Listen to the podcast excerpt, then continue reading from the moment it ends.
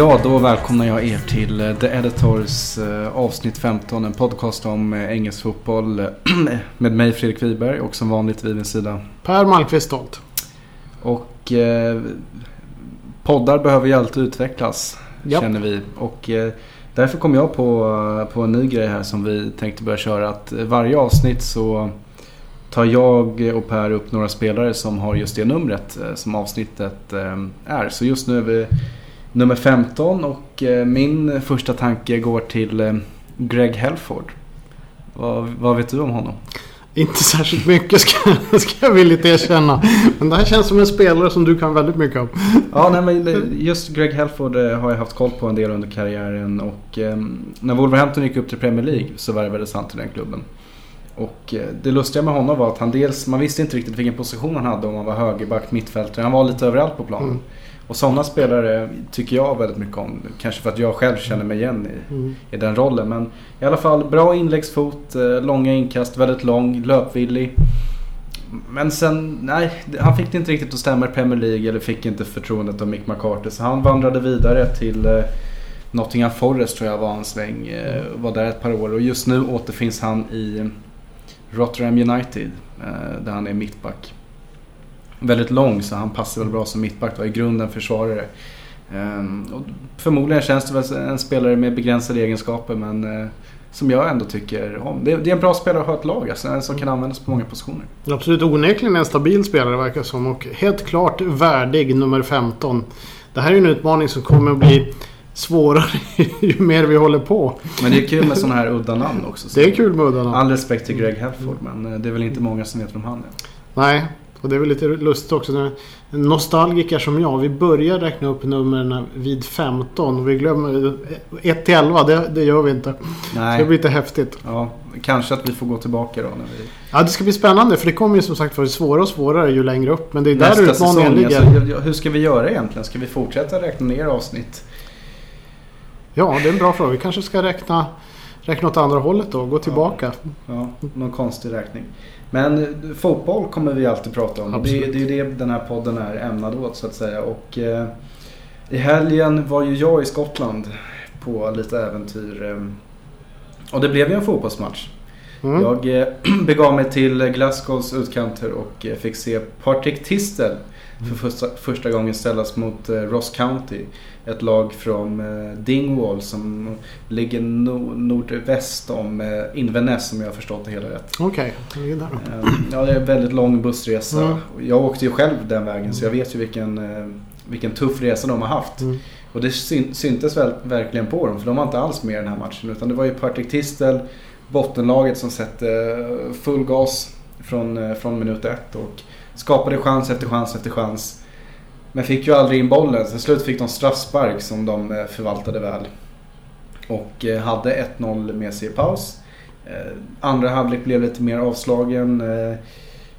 De fick sin högerback skadad tror jag och tog ju lång tid innan han kunde bäras ut på bår. Det var väl liksom 10 minuter innan, innan det där...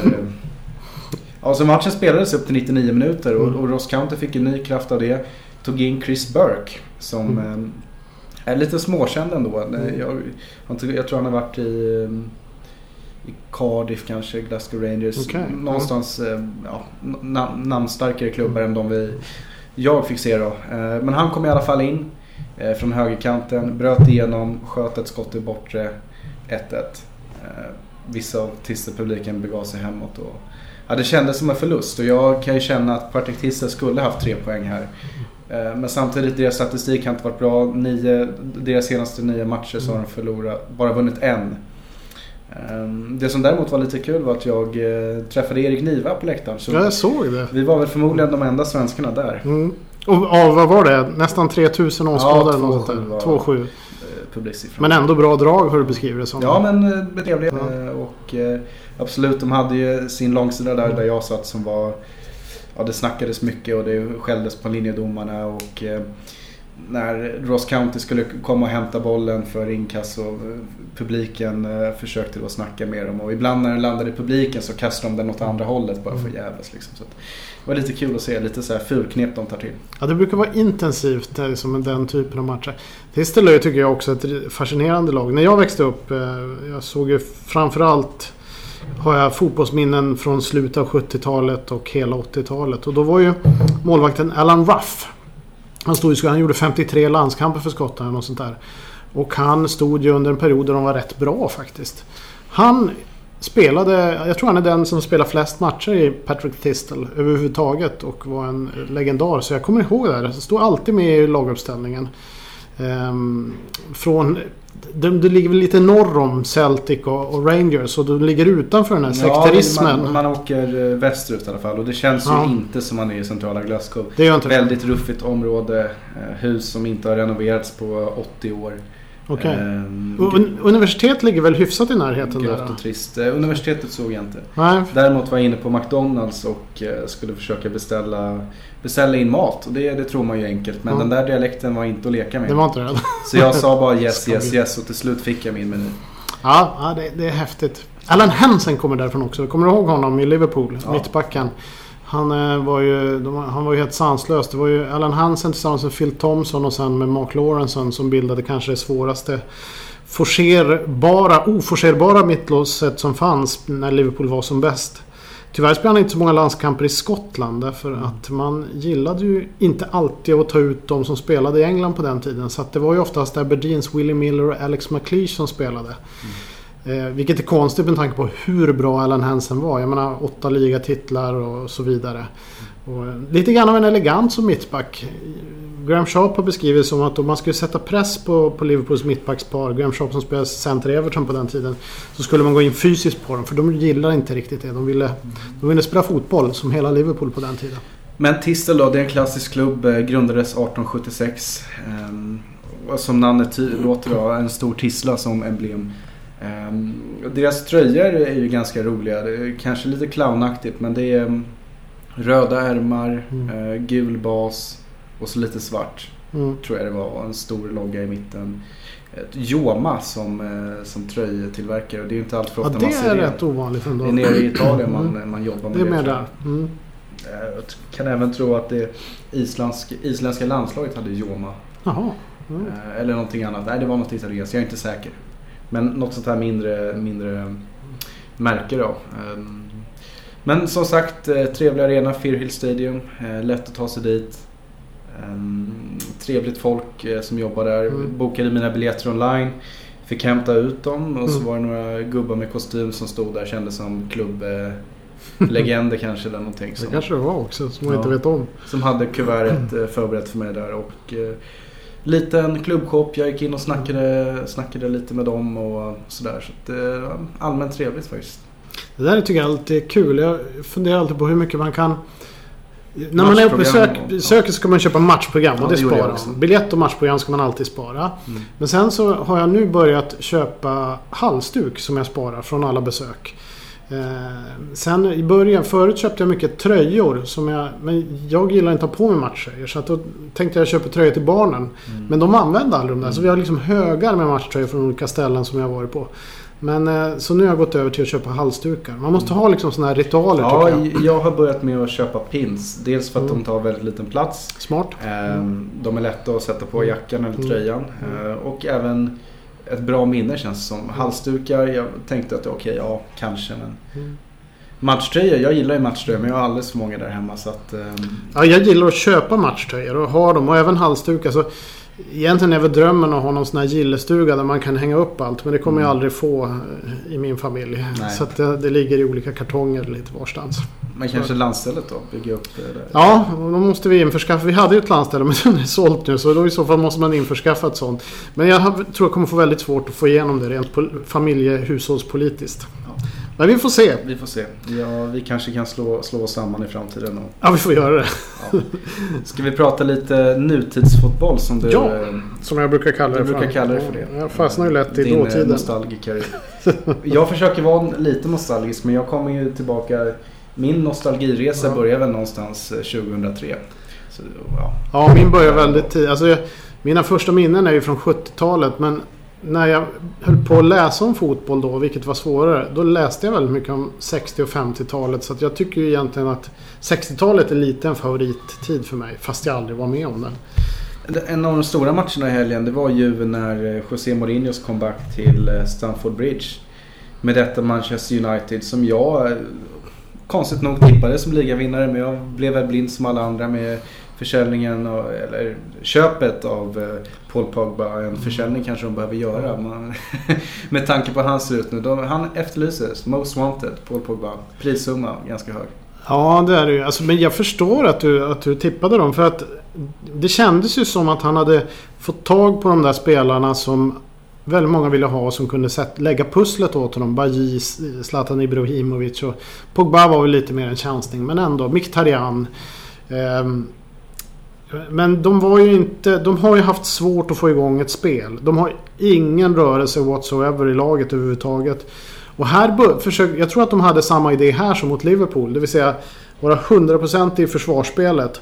Och sen löser det sig. Och känslan när de mötte Liverpool det var att hade Liverpool gjort mål så hade United aldrig orkat komma ikapp. För det, det ser så stelt ut. Men då gjorde de ett jättebra försvarsarbete på hela plan. Nu gjorde de ett jättemisstag i försvaret efter 30 sekunder. Mm. Och så blev det mål då för, för Chelsea.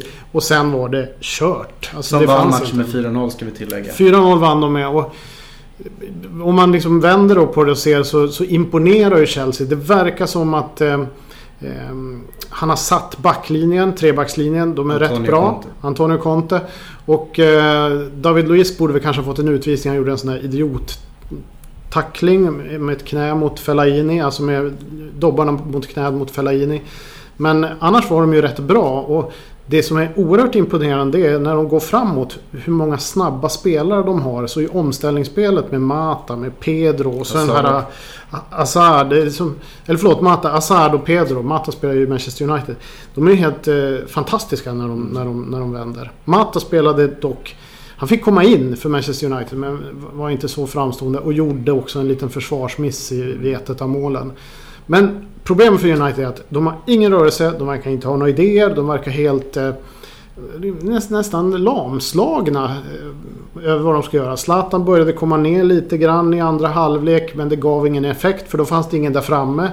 När Rashford tog sina löpningar så fanns det ändå ingen i straffområdet som kunde liksom göra någonting. Mm. Och eh, stundtals så såg det ut som om de hade en sexbackslinje dessutom med Rashford typ som vänsterback.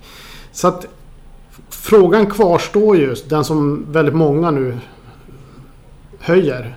Om Mourinho och om hans metoder är passé. Om, mm. om liksom, han kan inte sätta ett kreativt spel, vilket han måste med de här. Pogba var lite överallt, han såg vilsen ut, visste inte riktigt vad han skulle göra. Det finns inget flyt i spel överhuvudtaget. Ibrahimovic var väl inte särskilt bra men Å andra sidan, vad kunde han göra? Han var rätt isolerad där uppe. Ja, men en anfallare ska göra mål och nu är väl mm. Ibra uppe i fem raka matcher utan mål. Så han kan ju inte vara nöjd. Han sover nog inte speciellt bra på nätterna. Nej, och han fick usla betyg också av, av brittiska tidningar. Men de slår gärna på honom ja. när de får chansen. Eh, och så fick han kritik från Ryan Giggs. Han med flera andra spelare eftersom de hade bytt tröjor och, och med, med Chelsea-spelarna och dessutom kramat om varandra och lätt och, och sett glada ut efter förlusten. Och det gillade inte Ryan Giggs. Nej, jag kan förstå det men... Eh, Ja, men då undrar man hur många tröjor Giggs har bytt i karriären. Så att, uh... Ja, man undrar ju det. Men sen är det väl lite... Ja, det är svårt. Jag förstår det. Han vill försöka få, få, mm. få det till bilden att mm. 0-4 torsk, okej okay, bra då går man direkt till omklädningsrummet och ja, inte det är så, det, det tackar sina fans. Det gjorde ju Tistel eh, ja. efter 1-1. Ja. De, nej, fansen vill inte tacka dem och de vill nej. inte tacka fansen. Så det var egentligen alltså, bara raka vägen ner. Ja, det förstår man Och sen var det den stora snackisen som alla pratat om. Det var ju vad Mourinho viskade till eh, Conte. Conte mm. efter. Vad tror du? Ja, det var ju tydligen så att han hade menat på att... Eh, för Conte eldade ju upp publiken. När skedde det här? Var det efter matchen eller innan? Ja, precis efter matchen så... Alltså, Conte eldade upp publiken när det stod 4-0 i slutet på matchen. För han tyckte liksom att... Ja, det var ju tyst. Eh, han tyckte, men kom igen. Det här är liksom det, det händer grejer här. Chelsea var ju fantastiska. De gjorde en oerhört bra match. Ehm, och efter matchen direkt då ska Mourinho då ha sagt något i stil med att att elda upp publiken vid 1-0 det är väl helt okej. Okay. Men vid 4-0 är det bara förnedrande att göra det.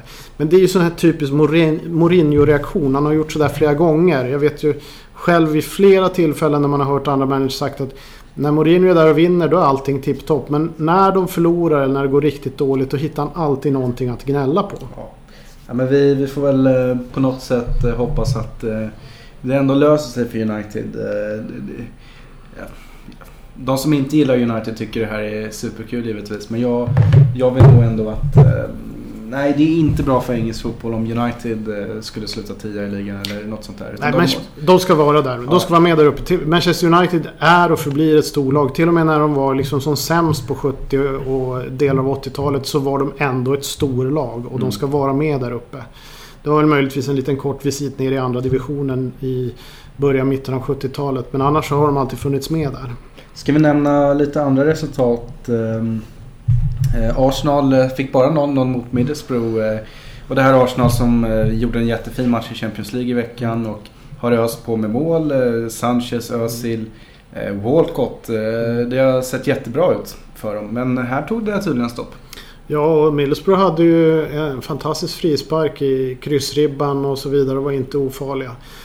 Men det, jag tror att det här var en typisk bakismatch. De har ju gått rätt hårt och gått rätt bra nu. Eh, Men kan det vara en inställningsfråga också att det här Middlesbrough som eh, haft en ganska tuff inledning här på säsongen att United tänkte ah, okej okay, det är lördag klockan fyra, fint väder nu Ja, men det tror nu jag. kör vi bara. Liksom. Det, det, här, det här kommer lösa sig. Ja. Eller jag tror, eller som alltid. Det är ingenting. De, hade nog, de, är ju, de är ju så pass rutinerade och proffsiga så att de hade förberett sig att det inte är så.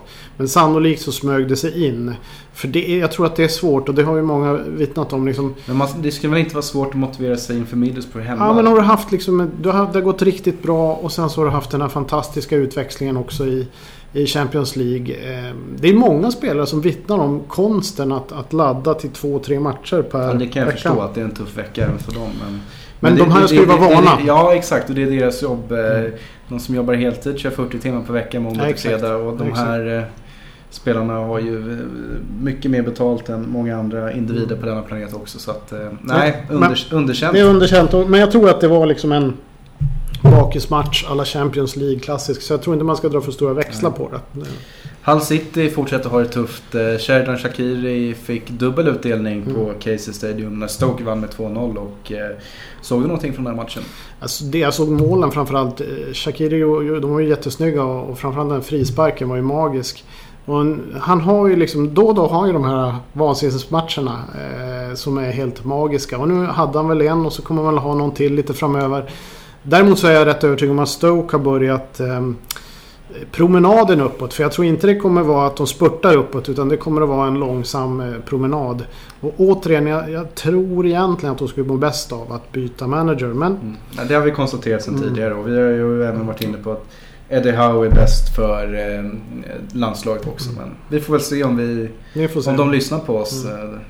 Eh. och Hall kommer ju inte ta många poäng. De är Nej. inte bra. Alltså, det är inte truppen håller helt enkelt mm. inte.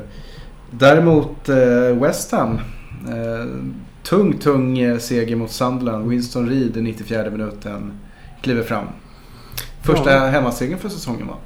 Ja, Borde eller om det var andra. Jag tror, jag tror för, andra matchen vann de också. Då tror jag också de gjorde mål i, i sista minuten. Och Jag är inte säker på det. Men, men vi kan, vi, vi de slog ju Crystal Palace där några ja. veckor tidigare. Och, men det är de två. Och det är återigen, det, de, de imponerar väl inte. Men fortfarande så Dimitri Payet har ju i varje match inslag av sin genialitet. Och eh, vi tror väl också kanske att det är en liten promenad som är på väg uppåt även där. Ja, det, det känns väl så. Vinster bygger självförtroende ja. och West Hams trupp eh, och det de visade upp förra säsongen är ju bra nog för att undvika den här bottenstriden. Ja. Däremot Sunderland, David Moyes, fortfarande ingen seger. Tog sist i tabellen, två poäng det känns frustrerat och eh, typiskt Sunderland att även dra på sig fem gula kort den här matchen. Ja, och de gör ju det de kan. Alltså, de kämpar ju och sliter. Och David Moyes, jag hörde här intervju med honom efteråt. Han tyckte ju också att de hade, han kan inte klaga. De gjorde en bra match och så vidare. Men de åker dit och de har förtvivlat svårt. Alltså. Det, det, återigen, det här har vi konstaterat tidigare att de, truppen är väl egentligen för dålig. Mm. Och det intressanta tycker jag börjar bli nu, vilken mandat har David Moyes egentligen? Är det till och med så att han, han kan eh, åka ner en division men de har sagt åt, åt honom att du ska bygga något långsiktigt. För det är det han kan. Han mm. är nog inte så jäkla bra på liksom att styra skutan rätt i kort. Om man ska ha något långsiktigt så tror jag att Moyes kan vara rätt manager. Men då måste han få tid på sig. Mm. Och han kan inte göra underverk med den här truppen. Nej, den här truppen kommer inte hålla i Premier League och kommer även få det ganska tufft i Championship. Mm. Uh, Jermaine Defoe blir inte yngre. Detsamma gäller mm. Steven Pinar. Och ser man på bänken, vad har man där? McNair, Anishibe, Hanneman. Mm. Gillo Bogi som Chelsea värvade på deadline mm. förra året. Ja, det, det, det, är gott och blandat verkligen. Och, um... Ja men tittar man på Steven Pienaar och Anichebe. De hade väl i princip slutat spela fotboll. De hade ju inga kontrakt. De hade ju inte lyckats hitta någon klubb. Och, och de här tre killarna de har värvat från Uniteds eh, reservlag och så vidare. Nej, han har mycket att göra. En det... spelare jag tycker om i Sunderland det är ju Watmore. Watmore mm, han är egen, bra. Egen produkt. Eh, som säkert kommer kunna hitta en ny adress eh, mm. efter detta. Eh, vad ska vi mer säga om eh, den här omgången som var? Swansea trodde jag skulle kunna ta en hemmaseger där mot Watford men det blev 0-0. Ja, det var väl båda lagen hade väl lite chanser. Eller framförallt tror jag Swansea hade hyfsade chanser. Jag tycker, ibland blir jag lite besviken på Watford. Jag tycker de har rätt bra spelare men de, de eh, blandar och ger så oerhört mycket. Swansea, ja fortfarande Bob Bradley får väl sätta sin sin prägel på laget men han har ju lite kvar faktiskt. Då. Däremot eh, vill jag väl nämna att eh, Manchester City som eh, mm. tokhyllades för bara någon månad sedan och allting stämde. Mm. Men det började på White Hart Lane vill jag på, påstå mm. mot Tottenham där man fick sig en ordentlig törn. Förlust och hade åkt till Skottland och spelat 3-3 borta mm. mot Celtic. Everton 1-1 mm. och nu blir det bara 1-1 igen hemma här mm. på Etihad Stadium eh, mot Southampton. Och, eh, vad tror du fansen känner för Pep Guardiola och det laget som, eh, som spelar fotboll just nu? Jag tror han har hyfsat förtroende, det, det, är jag rätt säker på. De flesta vet ju att det ändå är lite av ett långsiktigt bygge. Det har man ju sagt i väldigt många år. Ja, det har man sagt i väldigt många år. Men, men, ehm, och Champions League ska man ha, vinna inom ja, den här ramen. Det är liksom. just det, alltså, han får ju inte åka ut i gruppspelet i Champions League. Och han måste vara med och slåss om ligatiteln. Det, ja, det är inga enkla krav. Men Nej. samtidigt, det finns gott om pengar, det finns resurser. Oh ja. Han är en av världens tränare, om inte den bästa kanske, ja. enligt vissa. Eh, och spelarmaterialet är ju inget fel på heller. Så att eh, det är klart att... Nej, och där, där är lite... Jag har en, en liten eh, teori där, eller som jag tror de flesta kanske har något liknande. Men det är ju det att dels har han inte byggt färdigt. Han erkänner ju att han har ju kanske inte rätt spelare än så länge. Men han lyckas... Han har, ha han har några stycken några. som kommer bli bärande i det här laget. Yes. Exempelvis Sané och Gündogan, de här nyförvärven och De Bruyne. Mm. Och fortfarande backlinjen håller inte Nej, riktigt för det utaspel. måste han ta, ta bort det från Sabaleta också. Ja, Stones gjorde misstag nu senast och hade även svårt mot Barcelona. Och det som är, om man tar Barcelona-matchen till exempel. Det tycker jag är så typiskt. För att där var... Jag såg både Barcelona och Southampton-matchen. Ja, där åkte de på en ordentlig smäll. Ja, rejält. 4-0 eller något ja, sånt där. målvakten utvisade också. Ja, men till målvaktens utvisning så var det jämnt och City spelade faktiskt rätt bra. Eh, men sen är det målvaktens utvisning som är ett individuellt misstag. Och sen var det flera individuella misstag som sen ledde till baklängesmål. Mm. Eh, ja, det såg ganska enkelt ut när Barcelona kom fram där. Och ja. tv-spelsmål brukar man benämna de där. Eh, ja, och det är det som är problemet. Jag tror att det spel som Pep förordar. För att man ska kunna lyckas med det så måste du i princip vara bäst. Idag kanske Barcelona kan det, möjligtvis FC Bayern München. Men det är svårt för de andra lagen. City kanske kan göra det i Premier League. Mm. Sen är det ju så att om man försöker spela eh, som eh, Barcelona mot Barcelona så kommer man bli straffad. För man är inte tillräckligt bra helt enkelt. Just nu i alla fall i City. Mm. Och det mm. borde ju Pep Guardiola kanske veta. Mm. Men, ja, eh, han har ju varit där och, och haft det laget och, och alltid spelat det här. Mm. Den här vägvinnande fotbollen. Eh, den här processen som man alltid jobbar vidare med. Och det tycker jag han självklart ska göra. Sen i vissa matcher kanske man då får bli lite mer cynisk som det så vackert heter inom fotbollsvärlden. Och eh, svälja stoltheten lite grann och kanske våga testa en annan fotboll. För i slutändan kommer resultat bli viktigast för Manchester City och Pep Guardiola. Eller hur? Så är det Så det här är, de har eh, mycket kvar att göra. Mycket kvar att bygga mm. egentligen. Mm. Även om eh, tålamodet förmodligen kanske inte är så högt. Eh, vi pratar ändå om en klubb som som har haft som mål att vinna. Det, det, ska vara en vinnarklubb och då, ja, då kan man inte gå på sådana här miner för det sänder inga bra signaler. Nej det gör ju inte det. Och, men men, men även Manchester City är mänskliga. ja de, mänskliga, de leder fortfarande. Det, ja. det, ska man vara medveten om. Men eh, jag tror liksom att... Jag tycker det är en för stor förlust ändå, de siffrorna. Det är en för stor förlust. Och, men, men samtidigt... Men eh, Barcelona och sen också Southampton. Southampton är ett väldigt stabilt lag. De är liksom bra lagbygge. Eh, du får inte göra mycket misstag, du kommer att straffas där också. det är inte så lätt just nu för City. Mm. Ska vi gå vidare till nästa omgång då? Det kan vi um, Och där eh, tar Sunderland emot Arsenal på Stadium of, of Light eh, tidigt lördag eftermiddag. Och jag vill ju hävda att det här är en perfekt match för Arsenal att studsa tillbaka på. Ja, det tror jag också. Eh, Sunderland har fortsatta problem och de har inte tillräckligt bra lag egentligen för att kunna hota Arsenal. Och jag tror som sagt att det var en liten bakismatch där Arsenal hade och Arsenal kommer att vända på det här och fixa det. Mm.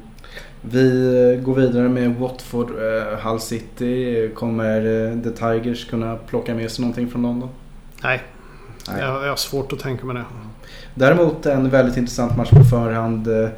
Kommer utspela sig på The Hawthorns och som vi vet sedan tidigare är det nog ingen Premier League-klubb som är intresserad av eh, Ja, man tycker det är jobbigt helt enkelt att åka till Midlands eh, och denna arena mot detta kompakta West Bromwich. Nu är det Manchester City som får göra det. Och detta City som inte haft resultaten med sig i Premier League, eh, det blir tufft för dem. Ja, nu måste de ju ta tre poäng egentligen. Det kommer, om, om man ändå tycker att City har rätt att ha små svackor och så vidare så så tror jag att en förlust här eh, eller oavgjort det skulle bli spä på snacket oj, oj, ännu mer. Ja, Men det är ju en intressant match. Du har ju de två ytterligheterna som, som möter varandra. Tony Pulis idé mot Pep Guardiola. Egentligen magiskt. För, för x antal år sedan trodde man ju aldrig att de tu skulle mötas. Men nu kommer de att clasha. Mm. Och jag tycker ju det är en extremt fascinerande tillställning. Och där man alltid håller en extra tumme för underdogen här på något sätt. Absolut. Manchester United-Burnley har vi ju också och eh, en intressant match där jag tycker att Zlatan Ibrahimovic måste bryta sin måltorka. Eh, man möter Burnley som en nykomling. Allt annat än tre poäng för detta storsatsande United är ju en skandal. Det är en stor skandal och... Eh, eller stor skandal. Det som är ett problem det är ju det att det kommer att snackas ännu mer och pressen på Mourinho kommer att bli extrem igen. Tottenham-Leicester då. En intressant match där. Förra säsongen hade jag kunnat eh, höja chanserna för Leicester lite mer. De hade en fin kontringsfotboll med Vardy och Mares. Eh, den har inte riktigt stämt eh, den här hösten i Premier League.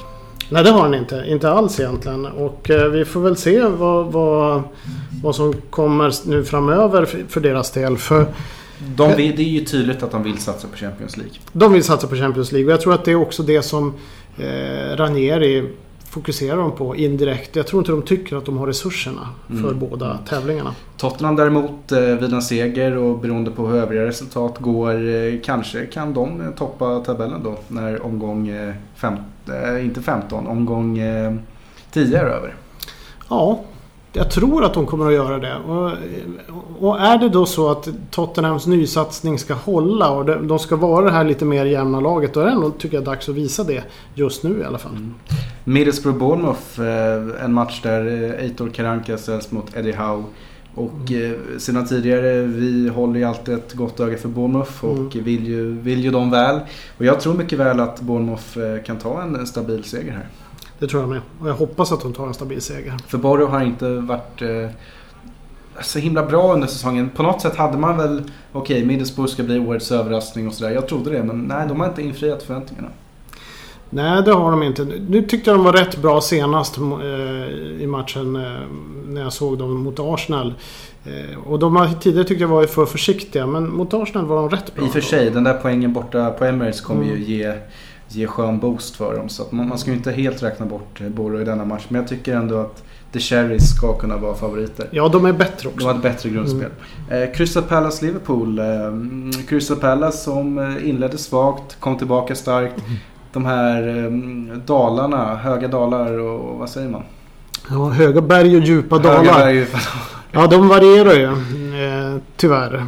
Eller tyvärr. Det, det är lite så det är för dem. Och vi får hoppas att de kan få lite mer jämnhet nu framöver egentligen. Ett lag som har varierat lite tidigare säsonger det är väl Liverpool men nu ser det ju hur, bra som helst för de här. Riktigt bra. Och eh, jag tror att de kommer att fortsätta att, att eh, visa att de är så pass bra som de är. Everton-West Ham, eh, en match du ska se live. Ja. eh, Och detta West Ham som eh, har vaknat lite nu och Everton dippar lite. Ja, jag kommer vara på Goodison Park och det kommer bli lite nervöst faktiskt. För att det känns inte så stabilt Evertons form. Medan West Ham då är på väg uppåt. Eh, men eh, det- jag, jag, det måste ju bli eh, tre poäng här för Koman. Annars så kommer han också få en hel del kritik. Det var en del kritik nu senast också. När det inte såg så bra ut. Du var inne lite tidigare när vi, när vi möttes idag att Everton saknar ledare. Ja. Gareth Barry eh, är ju en genuin ledare men Ja, kan han dra det här laget ensam? Egentligen har de ju flera lagkaptensämnen. Seamus Coleman är ju lagkapten för. Irland. Jagielka är lagkapten. Baines. Eh, Baines och så nu eh, så har de ju framförallt Ashley Williams också lagkapten i Wales. Men de, det, de, det saknas någon, någon form av vinnarinstinkt. Det är svårt att ta på det där. Men eh, Eh, det är någonting som saknas. Och jag är rätt övertygad om att eh, Ashley Williams är en spelare i rätt riktning så att säga. Det är mer sådana typer av spelare som man vill få in. Jags och Williams har faktiskt varit rätt stabila ska man säga. Även om de kanske inte var lysande nu senast. Men där någonstans tror jag att eh, Koman inser att han har mer att bygga. För framåt är det lite spelare som kanske inte alltid kliver fram när det som mest gäller. Nej, men ni gjorde en jättefin insats mot Manchester City. Det blev 1-1 och så Mm. åkte ni på den här 2-1 förlusten mot Burnley. Nu är det dags för en seger känner jag. Nu är det dags. Ja, Southampton-Chelsea. Mm. Två lag i bra form. Eh, Öppet skulle jag vilja hävda. Ja. Det är eh, Southampton som spelar hemma på St. Marys. eh, Och där vet vi sedan tidigare att de är starka. Så att, eh, Det är svårt för Chelsea. Alltså, nu har ju Chelsea den nyuppvaknande formen. Men de möter kanske, kanske det formstarkaste laget i ligan just nu. Mm. Southampton är riktigt bra. De var väldigt bra senast måste jag säga. Och eh, kommer att straffa om inte Chelsea lyckas eh, hantera situationen. jag ska försöka se den matchen helt klart. För jag tror den, den kan bli någonting extra. En match som jag inte kommer se och som förmodligen inte kommer bli någonting extra heller. Det är ju Stoke-Swansea. Det luktar 0-0 redan här. Mm, det gör det. det, gör det. Jag tror att det kommer... Nu, nu, Bob Shakiri, hade Bradley ju, behöver en seger. Ja, han behöver. Svanarna, nu, nu är det dags alltså. Shakiri var ju rätt bra senast då men eh, nu... Eh, nu får vi se. Nu har han kanske haft sin match på ett tag. Wilfried Boni har inte gjort ett mål än och eh, man brukar säga att släkten är värst. Så startar man med Boni på måndag kväll när matchen spelas så, så är det ju inte helt omöjligt att han eh, gör ett mål mot Swansea. Nej, det är inte helt omöjligt. Men vi, vi får se. Stoke har ju vaknat till nu lite grann. Ja. Man kan inte påstå att eh, Swansea har vaknat till. Nej det kan man inte göra. Så, så Stoke är favoriter. eh, Och det tycker inte vi eh, om. Vi vill ju ha bort Mark Hughes därifrån. ja. Vi borde egentligen driva en kampanj att Stoke, ni, ni, kom igen, va- vakna upp, öppna ögonen. Han är inte bra för er. Ja, de förtjänar mer. Jag tycker de har rätt bra spelarmaterial eh, egentligen. Kan, någon som kan få ihop det där, det skulle kunna bli riktigt bra. Och jag gillar ju Swansea ändå för att jag vill ha fler Wales-lag i Premier League. Det förstår jag. Ja. Vi, vi avslutar där eh, avsnitt 15 och som vanligt kan ni ju nå oss på mail. Mm. Ehm, Jättekul att ni fortsätter lyssna. Vi ser en tydlig trend eh, på iTunes här att ehm, det ökar, eller hur? Ja, det ökar. Det är riktigt roligt faktiskt. Och vi fortsätter att tjata på. Och nu ska ju jag... Du har ju varit i Skottland nu. Så nu åker jag till England nästa helg och eh, då, ska, då kommer det komma ett lite senare avsnitt eh, sannolikt. Mm. Eh, Framåt onsdag, torsdag kanske. Ja, mitt i veckan Ja. Men det är väl inte fel det heller. Det funkar. Och en, och en reserapport från dig och Mm. då blir det väl inte så mycket nostalgi i nästa avsnitt då, utan mer nutidsfotboll. Mer nutidsfotboll och jag kommer ju bland annat att se Stoke Swansea, Everton West Ham. Och sen kommer jag se... Stoke Swansea, den är ju... Ja, jag kommer att se den live. Ja, Stoke on Trent. Just det. Mm. Ja, det är nästa omgång vi pratar så Mm. att det är härligt. Mm. Du ska dit och jag sa ju att den där matchen ska man inte se. Eller jag kommer inte se den i alla fall. Nej, men jag kommer att se den. Ser den. Kul. eh, Ja. Bra, vi avslutar där. Vi kör det. Hej. Ha det bra med. Hej!